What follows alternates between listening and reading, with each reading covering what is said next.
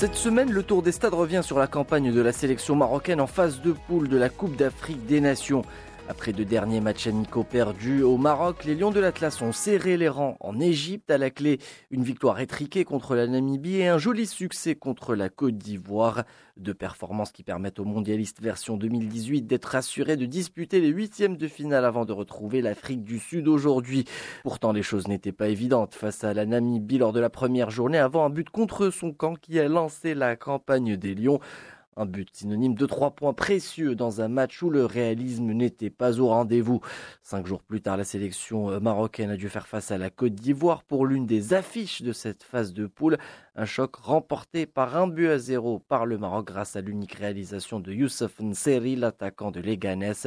L'unique réalisation euh, du joueur euh, marocain permis aux Verts et Rouges de s'imposer face à des éléphants toujours en course pour la qualification. Un match qui a avant tout rassuré les supporters marocains. Romain Seyss, le défenseur central de l'équipe marocaine, revient sur cette victoire au micro de notre envoyé spécial en Égypte, Fouad Hennaoui. C'était l'objectif. Maintenant, voilà, on va, faut assurer la, première place. C'est ce qu'on est venu chercher. Très très très content des, des six points qu'on a pris là. Et maintenant, il faut qu'on négocie bien le troisième match, ce qui va arriver vite lundi bien récupérer et pour voilà, valider la, première place. Nordine, je pense qu'il est un joueur qui est très très important dans, l'équipe. Voilà, il nous, il nous fait beaucoup de bien. il garde les ballons, il est costaud et il arrive à faire la différence. Joueur qui est, qui est très très très utile euh, sur, le continent africain. Gagne beaucoup de duels, donc euh, très content de sa performance et j'espère qu'il en, en, fera d'autres comme ça. On sait que c'est notre force, c'est quand on est tous ensemble qu'on fait les efforts. Malgré que tout n'avait pas été parfait contre la Namibie, on a montré que on est toujours là. Et euh, voilà, il faut compter sur nous pour euh, la suite. Madame, tu as été l'homme de la situation avec ce sauvetage quand même dans les premières secondes. Ouais, bah, comme j'ai dit, je me suis trouvé au bon endroit au bon moment.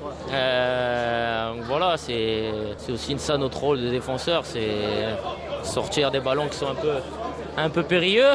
et voilà, ça nous a permis après de rentrer dans le match Après leur succès vendredi face à la Côte d'Ivoire, les Lions de l'Atlas se sont directement remis au travail ce week-end avec deux séances d'entraînement au stade du club NB à 2 km du terrain Haras al-Houdoud au Caire. Cette séance d'entraînement a permis aux médias d'approcher les joueurs pendant les 15 premières minutes. Pour Adhanaoui, notre envoyé spécial en Égypte, s'y est rendu et a notamment rencontré Faisal Fajr, le joueur marocain, qui nous parle de ce prochain match face à l'Afrique du Sud. Comme les deux matchs, même si c'est vrai aujourd'hui, on a la qualification, on est qualifié pour les huitièmes, mais comme j'ai dit et comme je, me répète, il n'y a pas de, a pas de match euh, difficile ou, moins difficile en Afrique. On est là pour bien le préparer, on veut gagner, on veut, on veut la victoire. Nous, on a, soif de victoire, on, veut les trois points et on veut, on veut la première place du, du groupe, tout simplement. Si on va aller loin, Inch'Allah, dans cette compétition, c'est, c'est avoir cet, cet esprit de groupe et on verra ce qui va se passer au, troisième match, mais, tout simplement, on veut la victoire. Une minute, 20, 30, titulaire, pas titulaire. Je suis là pour représenter mon pays, je le ferai à fond. Le Maroc et Faisal Fajr qui comptent désormais 6 points et sont assurés de retrouver les huitièmes de finale avant de retrouver l'Afrique du Sud. L'objectif sera avant tout de finir en tête de ce groupe D afin d'éviter les poids lourds du continent et aller le plus loin possible dans cette 32e édition de la Coupe d'Afrique des Nations en Égypte.